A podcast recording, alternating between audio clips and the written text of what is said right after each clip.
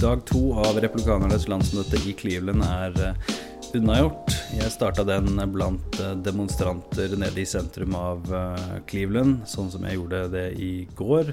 Det var vanvittig mye politi der. Mer enn 100 politimenn med hjelmer, kamera og sykler. Og det var lurt at de sto der, for det var Det hadde samla seg alt mulig rart fra nazister og kommunister og 9-11-truthers og eh, en mann som solgte Donald Trump-prompeputer til 10 dollar stykket, og en, en, mann som delte ut blomster for å, for å roe det hele ned, og Vermin Supreme, en, eh, en kandidat som, eh, som reiser rundt omkring som har en stor støvel på hodet. Eh, og så hadde vi jo nok en gang eh, noen som gikk rundt med våpen, for de har lov til å gjøre det i eh, Ohio.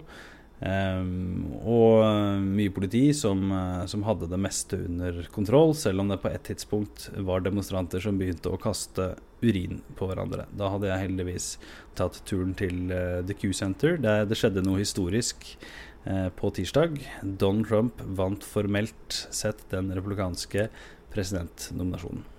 Eh, litt utrolig å, å, si det, som vi har vært inne på, på tidligere i år. Men delstat etter delstat eh, leste da opp uh, sine stemmer. Uh, når turen kom til uh, Michigan, så sa de at de sa de pass og hoppa videre. og målet da var at det var Donald Trump sin hjemstat, New York, skulle få muligheten til å sende han over toppen rent formelt sett. Og når turen kom til New York, så sa de også pass, fordi hvis de hadde gitt stemmene sine, så ville de ikke ha nådd de 1237. Eh, og når turen eh, senere kom til eh, Pennsylvania, så ga de ordet tilbake til New York. Og Donald Trump jr., Trumps eldste sønn, leste da opp stemmene og ga 89 delegater til Trump.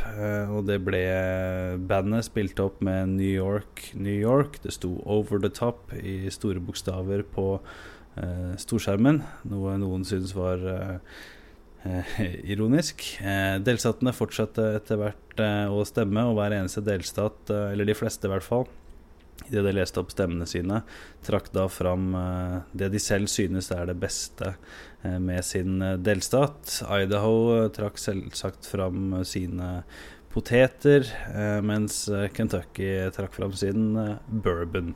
mange andre delstater som trakk fram mindre kjente ting.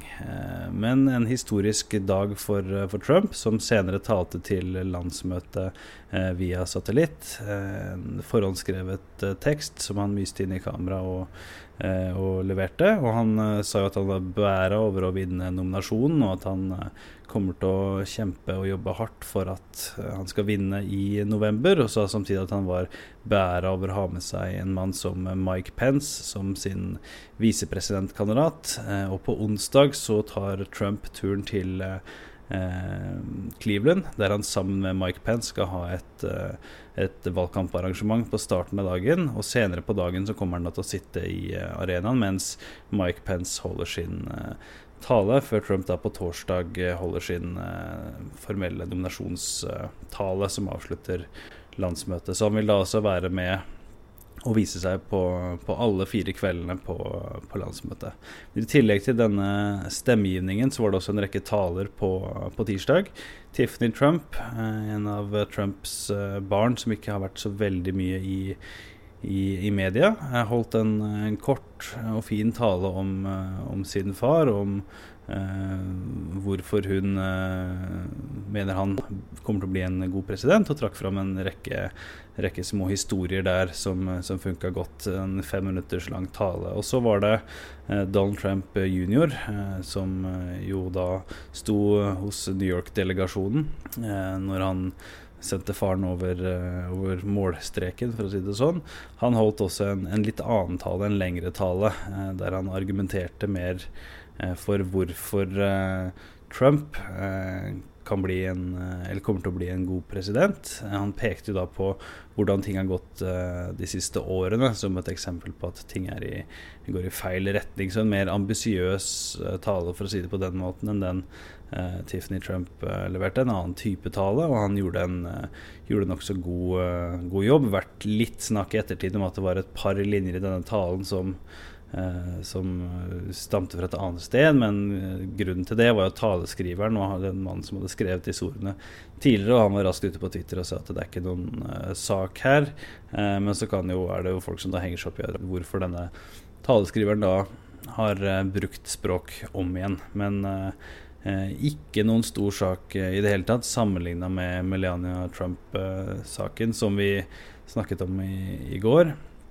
Eh, på, dagens, på landsmøtets første dag. Og det var litt snakk om det i dag også, men sett under ett så var dag to langt mer vellykka enn dag én. Og denne Melania Trump-saken kommer, kommer nok til å glemme om, om noen uker. I hvert fall ikke like mye fokus på den da. Men uh, Mitch McConnell, som jo da er republikanernes uh, leder i, uh, i, Senatet, han holdt en tale, litt bugende han tok talerstolen, men argumenterte jo da for hvorfor ikke Hillary Clinton bør bli president. Det er altså en, en gjennomgående tråd i alle talene på, på tirsdagen. Var det var mer fokus på, på Hillary og hvorfor ikke hun bør bli president, enn på Trump og hvorfor han bør bli president, hvis man skal sette det veldig Eh, på spissen. Chris Christie, eh, New Jersey-guvernøren, som mange anser som potensiell eh, visepresidentkandidat, og som ifølge rapportene var veldig skuffa over at han ikke fikk det. Han holdt en, en tale der han punktvis gikk gjennom